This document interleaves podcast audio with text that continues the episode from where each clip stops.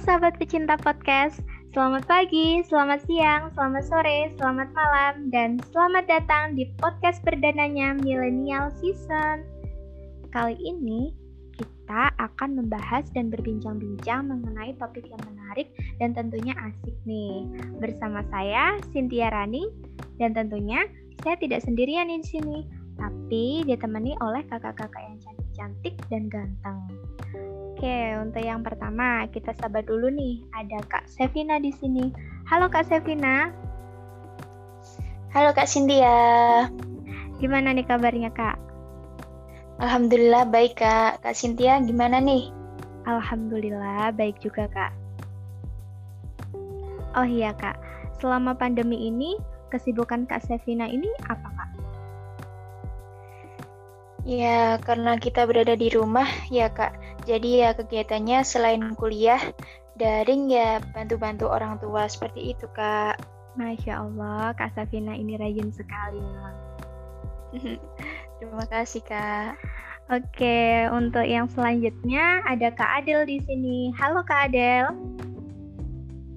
Halo Kak Cintia. Kabarnya gimana nih Kak? Alhamdulillah Kak, kabarnya baik nih. Hmm, Oke okay, Kak, selama pandemi ini kesibukan Kak Adel apa aja? Uh, kesibukan saya di masa pandemi ini fokus dengan kuliah ya Kak tentunya. Mm-hmm. Di sela-sela kesibukan kuliah, saya juga mengerjakan orderan online shop saya nih Kak. Waduh, ternyata Kak Adel ini orang yang sibuk juga ya. Iya, seperti itulah. Nah, Oke, okay. selanjutnya ada kakak yang selanjutnya ada Kak Lukman. Halo Kak Lukman. Iya, halo Kak Cynthia. Kabar Kak Lukman gimana? Alhamdulillah baik Kak, dan semoga selalu baik. uh, untuk uh, selama pandemi ini, Kak Lukman kesibukannya apa nih? Hmm, untuk kesibukan saya sih hanya fokus dengan kuliah saja nih kak. Tetapi di era pandemik ini sangat beda, agak bosen dan jenuh kak dengan perkuliahan online ini. Pengennya sih kembali lagi seperti semula lagi kak. Ya memang pandemi ini sangat menjenuhkan ya kak. Semoga uh, pandemi ini segera berakhir ya kak. Amin. Oke, baik topik. Jadi untuk topik dari millennial season kali ini adalah uh, mengenai ekosistem mangrove. Nah, pasti teman-teman di sini banyak yang bertanya-tanya nih. Ada apa sih dengan ekosistem hutan mangrove? Nah, kenapa yang dibahas itu adalah hutan mangrove? Kok nggak hutan jati atau hutan mahoni atau hutan-hutan yang lainnya? Nah, sebenarnya kita ketahui bersama nih bahwa ekosistem hutan yang tersebar di permukaan bumi ini sangatlah banyak Nah, salah satu yang paling banyak dijumpai di Kepulauan Indonesia ini adalah hutan mangrove. Nah, hutan mangrove ini sendiri itu adalah salah satu ekosistem hutan yang terdiri dari kelompok pepohonan yang bisa hidup dalam lingkungan berkadar garam tinggi. Nah, hutan mangrove ini sendiri juga merupakan suatu kelompok jenis tumbuhan berkayu yang tumbuh di sepanjang garis pantai tropis dan juga subtropis. Nah, oke selanjutnya nih, mungkin saya bertanya dulu sama Kak Lukman. Iya, Kak, gimana, Kak? Kak Lukman, apa sih fungsi hutan mangrove bagi lingkungan itu sendiri? Hmm, tentunya di sini kita mengetahui nih fungsi mangrove sangat banyak sekali.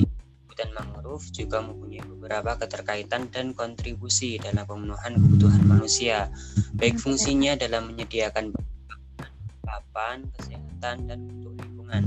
Nah, fungsi hutan mangrove sendiri dibagi menjadi lima nih kak, seperti fungsi fisik, fungsi kimia, fungsi biologi, fungsi ekonomi, dan fungsi lainnya.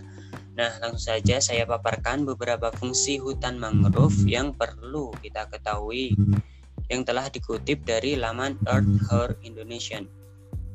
Fungsi yang pertama adalah mencegah intrusi air laut, erosi, dan abrasi pantai. Nah, fungsi hutan mangrove ini adalah untuk melindungi wilayah pesisir dengan akarnya yang sangat efisien. Hal ini akan menjadikan perlindungan pengikisan tanah akibat air. Fungsi yang kedua, fungsi yang kedua adalah sebagai tempat hidup dan sumber makanan. Hutan mangrove juga merupakan tempat tinggal yang cocok bagi banyak hewan seperti biawak, kura-kura, monyet, burung, ular, dan lain sebagainya.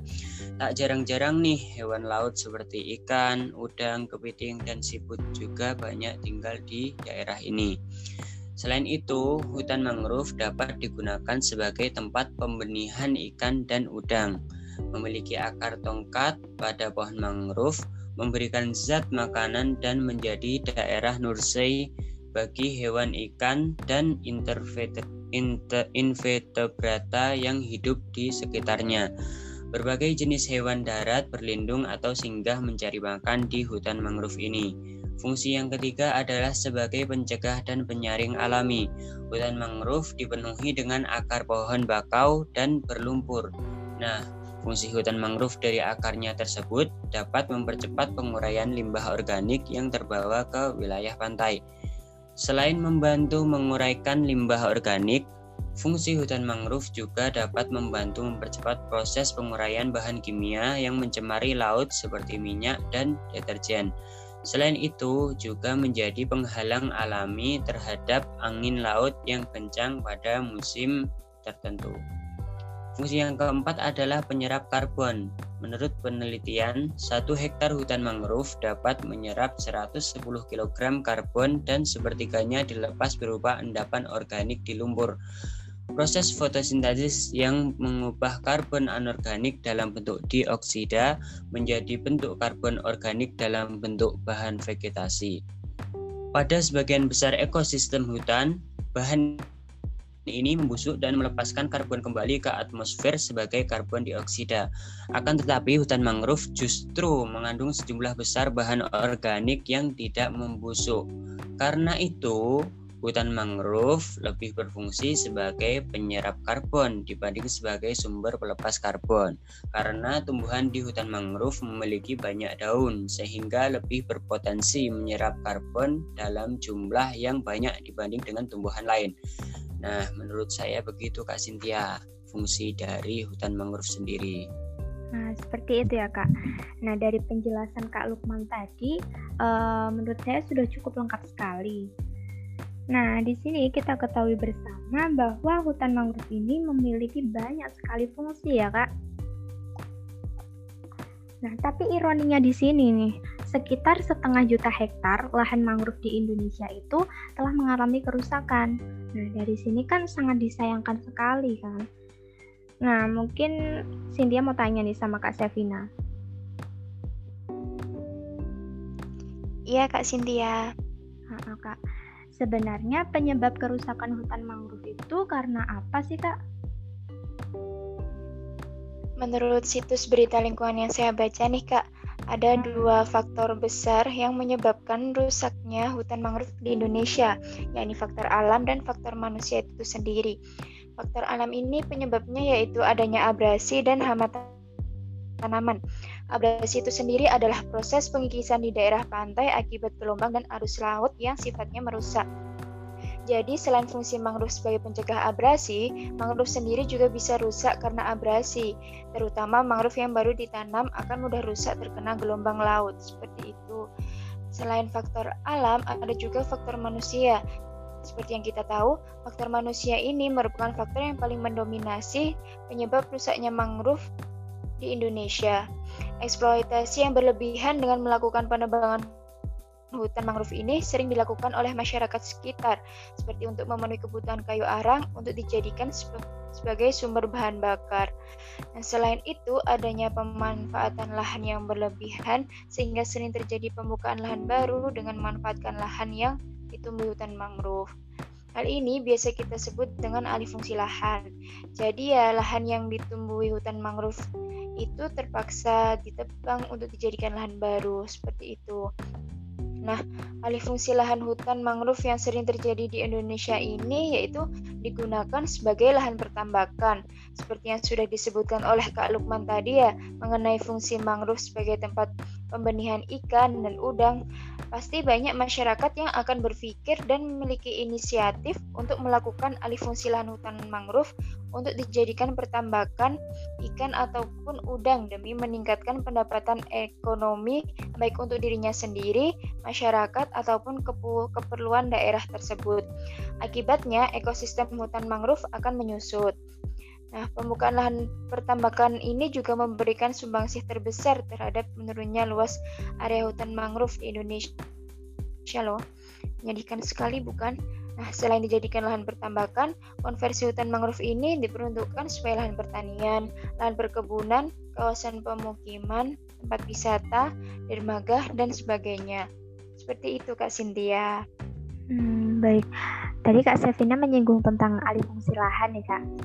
Nah, berbicara mengenai alih fungsi lahan ya kak, kalau kita menyinggung kasus Tanjung Panjang di wilayah Pahualto, uh, Teluk Tomini, nah ini kan adalah sebuah kawasan cagar alam yang luasnya itu kira-kira sekitar 3.000 hektar dan merupakan teluk terluas di Indonesia. Nah, Teluk Tomini ini juga memiliki keanekaragaman hayati dengan tingkat endemisitas yang sangat tinggi. Namun, dalam beberapa dekade ini, mutu lingkungan dan sumber daya pesisirnya itu cenderung menurun. Bahkan ironinya nih Kak, saat ini kawasan cagar alam tersis yang tersisa itu uh, sekitar 600-an hektar. Nah, pasalnya ini tuh terjadi karena hutan mangrove di Teluk Tomini telah dikonversi menjadi perumahan, pelabuhan, dan sebagian besar itu sudah berubah menjadi lahan pertambakan. Oh ya Kak Sevina, kalau dilihat dari kasus uh, di Teluk Tomini ini, pendapat Kak Sevina sendiri mengenai alih fungsi lahan di Teluk Tomini ini seperti apa Kak? Ya, nah seperti yang sudah Kak Cynthia sebutkan tadi ya. Nah, kerusakan di Teluk Tomini ini kan disebabkan adanya alih fungsi lahan hutan mangrove menjadi lahan tambak, perumahan, pelabuhan, kebun, dan perubahan lainnya. Nah, di antara alih fungsi lahan tersebut, sebagian besar didominasi oleh pembukaan lahan baru untuk tambak udang atau ikan bandeng. Nah, berdasarkan sumber yang saya baca dari buku Atlas Mangrove Teluk Tomini, di situ tertuliskan menurut hasil interpretasi Citra Lansat tahun 2009 sampai 2010, luas mangrove Teluk Tomini tercatat 16.105 hektar atau setara dengan 161,5 km persegi.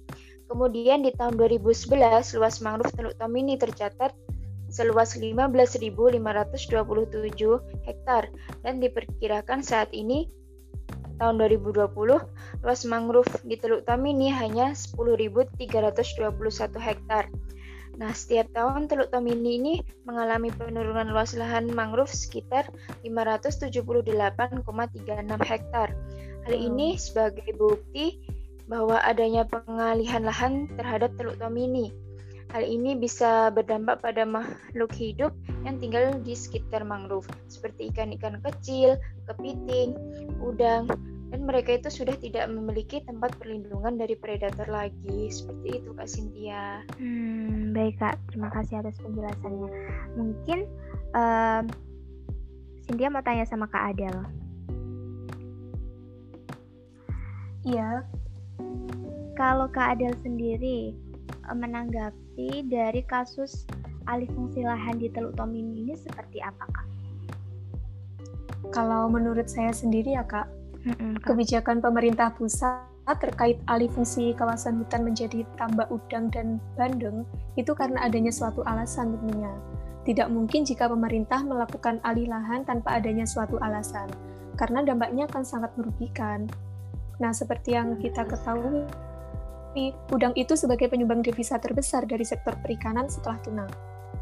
Menurut situs berita lingkungan yang saya baca, target budidaya udang di Indonesia pada tahun 2020 hingga tahun 2024 dinaikkan menjadi 250 persen. Nah, tentunya untuk mewujudkan target tersebut, tidak heran jika Menteri Kelautan dan Perikanan saat ini memerlukan penambahan lambak sekitar 86.000 hektar. Terkait dengan tingkat produktivitas tambak, kuantitas maupun kualitas dari ikan bandeng atau udang ternyata sangat dipengaruhi juga oleh lamanya penggunaan atau eksploitasi lokasi tambak. jenis air yang dimasukkan ke dalam tambak, dan pola pemeliharaan yang teratur. Menurut situs berita lingkungan yang saya baca, tambak di pesisir Tanjung Panjang masih sangat alami. Kualitas rasa ikan dan udangnya itu sangat enak, tidak bau rumput, dan unik gitu menurut konsumen. Nah, dari sisi pengolahan tambak dan hasilnya, gambaran umumnya adalah jika lahan tambak dalam kondisi baik, satu hektar itu bisa menghasilkan sekitar 600-700 kg setiap kali panen. Tetapi, jika lokasi yang telah dijadikan lokasi tambak sebelumnya pernah menjadi lokasi usaha garam misalnya, biasanya hasilnya kurang produktif gitu. Nah, maka dari itu, dengan adanya perluasan tambak udang dan bandeng di kawasan hutan lindung mangrove, dapat menghasilkan udang lebih banyak dan memiliki kualitas yang baik tentunya. Dalam pengelolaan tambak, ada yang sepenuhnya dilakukan oleh pemilik sendiri dan ada juga yang dikerjakan oleh petani penggarap. Hasilnya bagi petani penggarap juga lumayan baik karena petani penggarap mendapatkan bagian sebesar 20% dari hasil panen yang sudah dipotong, pembiayaan pengelolaan seperti biaya pakan, benih, dan lain sebagainya. Sehingga dengan adanya alih lahan hutan mangrove ini dapat menambah lapangan pekerjaan bagi masyarakat sekitar, sehingga dapat memperbaiki ekonomi masyarakat. Seperti itu, Kak. Uh, baik, Kak. Nah, uh, sepertinya tadi dari penjelasannya Kak Adel yang telah disampaikan bahwa alih fungsi lahan hutan mangrove menjadi tambah ini berpengaruh bagi perkembangan ekonomi ya kak. Nah, e, menanggapi dari pernyataannya Kak Adel tadi, menurut Kak Sevina e, bagaimana?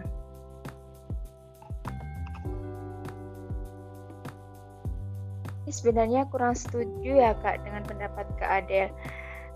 Sebenarnya banyak ya alternatif yang bisa dilakukan untuk mengembangkan ekonomi masyarakat selain memperluas tambak udang atau ikan bandeng di kawasan hutan lindung mangrove.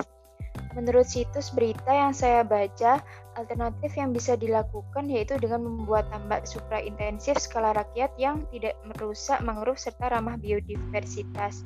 Tambak tersebut produksi, produksinya pun bisa berkali lipat dibandingkan dengan tambak tradisional maupun semi modern dan relatif lebih murah. Selain itu, pembukaan lahan untuk tambak udang atau ikan bandeng ini kan memerlukan biaya yang tidak sedikit, serta memerlukan izin ke pemerintah daerah untuk dan mungkin ke penduduk sekitar tentunya. Nah, setelah, sebelum pembukaan lahan tambak udang atau ikan bandeng, jika lahan yang digunakan masih berupa lahan rintisan dan masih ter terdapat pohon-pohon mangrove dari ukuran kecil sampai dengan ukuran besar, maka penambak mau tidak mau harus membersihkan lebih lanjut lahan tersebut dan membuat galian serta pematang lamba. Proses pembersihan lahan ada yang memakai tenaga manusia dengan menyewa pekerja dan ada juga yang menggunakan alat berat sewa eskapator. Jika pekerjaan pembersihan lahan itu menggunakan alat berat dengan eskapator, biaya yang harus dikeluarkan tentunya oleh para penambak lumayan cukup besar ya. Biaya itu berkisar antara 600.000 sampai dengan 900.000 dalam satu jam. Dari sini kita dapat melihat bahwa biaya pembukaan lahan itu terbilang cukup besar. Melihat biaya sewa alat beratnya saja untuk pembersihan lahan sudah mencapai ratusan ribu. Dan itu pun belum termasuk upah dari pekerjanya, semisal penambak menyewa alat dan memerlukan tenaga pekerja.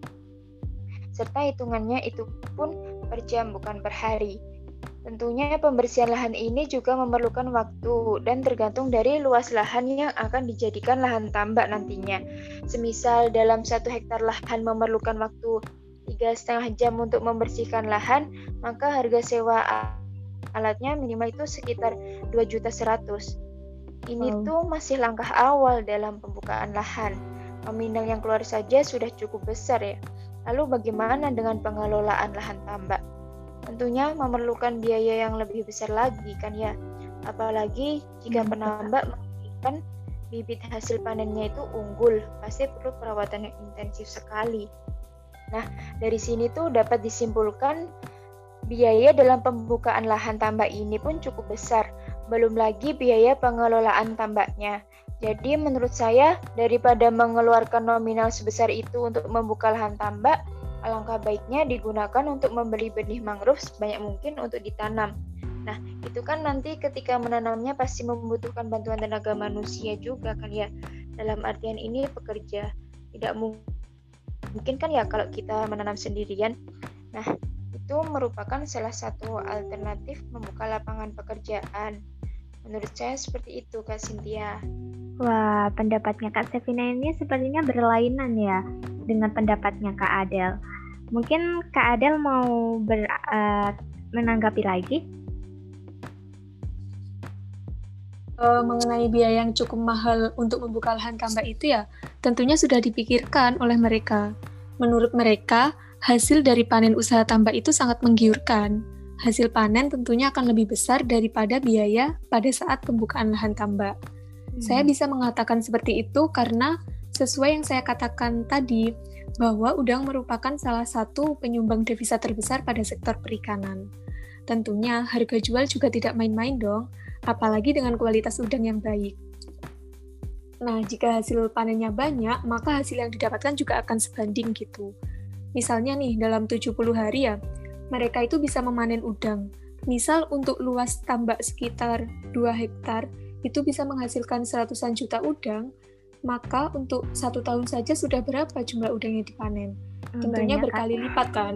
Iya betul-betul. Nah, jadi untungnya sangat besar gitu kecuali jika perawatan tambak tidak diperhatikan, maka ya tidak menutup kemungkinan akan mengalami kerugian. Yang jelas itu, pengelolaan tambak bukan hanya kegiatan usaha yang cukup padat modal ya, melainkan juga membutuhkan skill dan etos tertentu, baik pada saat pembukaan lahan, pemeliharaan ikan atau udang, hingga pada masa panen dan pemasarannya. Begitu Kak Cintia menurut saya. Hmm, pendapat yang luar biasa ya dari Kak Adil dan juga Kak Sevina ini. Nah mungkin uh, saya mau tanya nih sama Kak Lukman. Iya Kak, gimana Kak? Nah, kalau kita perhatikan tadi kan bahwa pendapatnya Kak Sevina dan juga Kak Adel tadi kan dilihat dari dua sisi yang berbeda nih Kak. Nah, Kak Lukman sendiri menanggapi alih fungsi lahan yang ada di Teluk Tomini ini seperti apa? Atau Kak Lukman di sini melihatnya itu dari sisi yang disampaikan Kak Adel atau dari Kak Sevina Kak? Hmm, menurut saya sih statement mereka sangat keren ya kak. Iya, Baik dari Kak Adel maupun dari Kak Sevina. Di sini saya bingung untuk berkomentar karena semua berbicara sesuai dengan fakta yang mereka baca. Tadi menurut pemaparan data yang dikatakan Kak Sevina tentang pengalihan lahan yang mana 2009 itu luas mangrove di Teluk Tomini tercatat seluas 16.000 sekian hektar.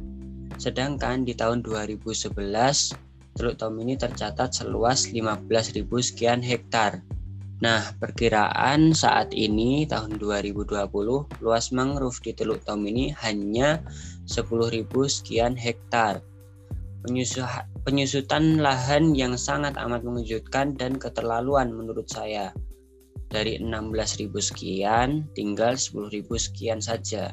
Lama-kelamaan bisa habis kalau pengalihan lahan terus-menerus dilakukan mengingat hutan mangrove di sana merupakan salah satu yang terbesar di Indonesia ini.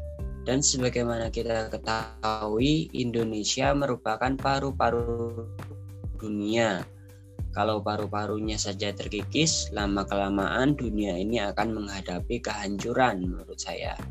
Karena hutan mangrove merupakan organ yang sangat vital dalam konteks keberlangsungan kehidupan manusia. Dan menurut Kak Adel tadi, Indonesia menjadi tambak udang sebagai penyumbang devisa terbesar dari sektor perikanan setelah tuna. Dan di tahun 2020 sampai 2024 dinaikkan menjadi 200 150%. Tentunya akan mendorong keberlangsungan ke perekonomian Indonesia yang lebih maju.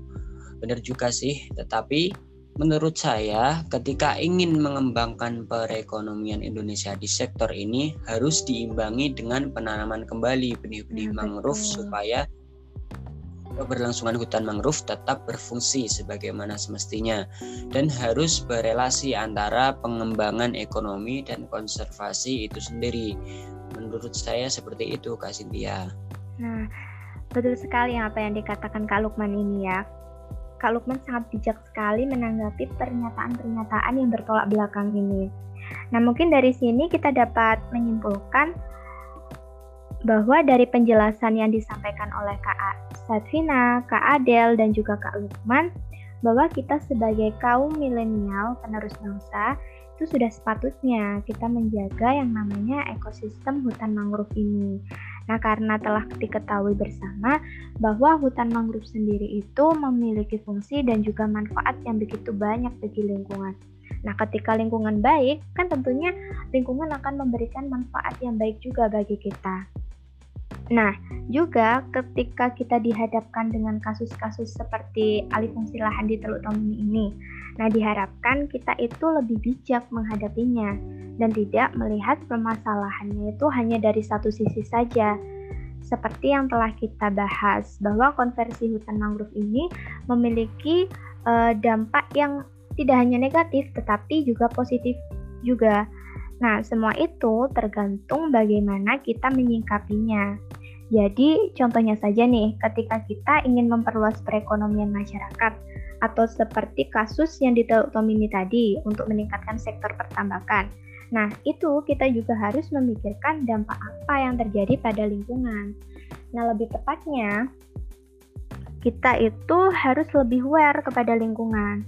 Nah, sehingga apa yang kita ambil dari lingkungan itu seimbang dengan apa yang kita berikan terhadap lingkungan. Nah, seperti itu, Kak.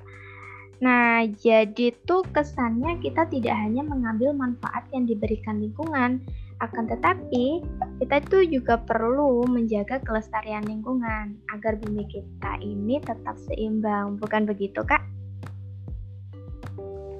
Iya, benar sekali, Kak. Nah, mungkin dari sini kakak-kakak ingin menyampaikan pesan-pesan kepada pendengar kita agar para pendengar uh, pendengar kita kali ini tuh lebih peduli nih terhadap ekosistem hutan mangrove dan juga lingkungan. Mungkin dari Kak Adel dulu nih. Ya, pesan saya terkait dengan pelestarian hutan mangrove oleh masyarakat, seharusnya tidak hanya memelihara, menanam, mengawasi tumbuhan mangrove di pinggir tambaknya saja, melainkan disediakan juga lingkungan yang khusus secara beramai-ramai untuk saling menjaga dan mengawasi pelestarian hutan mangrove. Dengan hal itu, hutan mangrove akan terpelihara dengan baik, sehingga manfaatnya juga akan kembali kepada kita. Selain itu, upaya mewujudkan kelestarian hutan mangrove harus dilakukan secara profesional, dengan tetap memperhatikan peningkatan sosial ekonomi masyarakatnya juga. Seperti itu, Kak. Nah, setuju banget nih sama pendapat sama pesannya dari Kak Adel. Mungkin pesan selanjutnya dari Kak Sevina nih. Pesan saya pada pendengar podcast Millennial Session ini ya, kita itu sebagai generasi muda sudah sepatutnya memiliki rasa peduli dan cinta kepada lingkungan, terutama kepada ekosistem hutan mangrove ini. Seperti yang sudah kita bahas dalam podcast tadi, bahwa hutan mangrove memiliki fungsi yang banyak sekali bagi lingkungan di sekitarnya, seperti mencegah terjadinya abrasi, tempat perlindungan ikan-ikan kecil dari predator, sebagai tempat mencari makan bagi biota air lainnya, dan sebagainya. Nah, oleh sebab itu, kita harus menjaga ekosistem hutan mangrove ini dari pihak-pihak yang tidak bertanggung jawab dan melestarikan kawasan hutan mangrove ini dengan melakukan penanaman ulang. Seperti itu, Kak Cynthia. Wah, setuju sekali. Oke, selanjutnya pesan dari Kak Lukman nih. Gimana, Kak? Hmm, kalau dari saya sih sama dengan yang saya katakan di awal-awal tadi. Tentunya kita sebagai kaum milenial harus ikut andil nih nih dalam upaya pelestarian hutan mangrove ini. Jangan cuma bisa menikmati dan merusak saja. Kalau tidak mampu ikut andil melestarikan, minimal jangan merusak dan jaga yang sudah ada begitu kak menurut saya hmm, setuju banget nih kak oke kita udah berada di penghujung acara nih nah pesan-pesan dari kita tadi sekaligus menutup pembahasan podcast kita kali ini nah semoga apa yang telah kita bahas tadi bermanfaat ya bagi para pendengar. Amin. See you Amin. di podcast Millennial Season selanjutnya. Salam bumi. Salam lestari. Salam konservasi. Bye bye. Bye bye.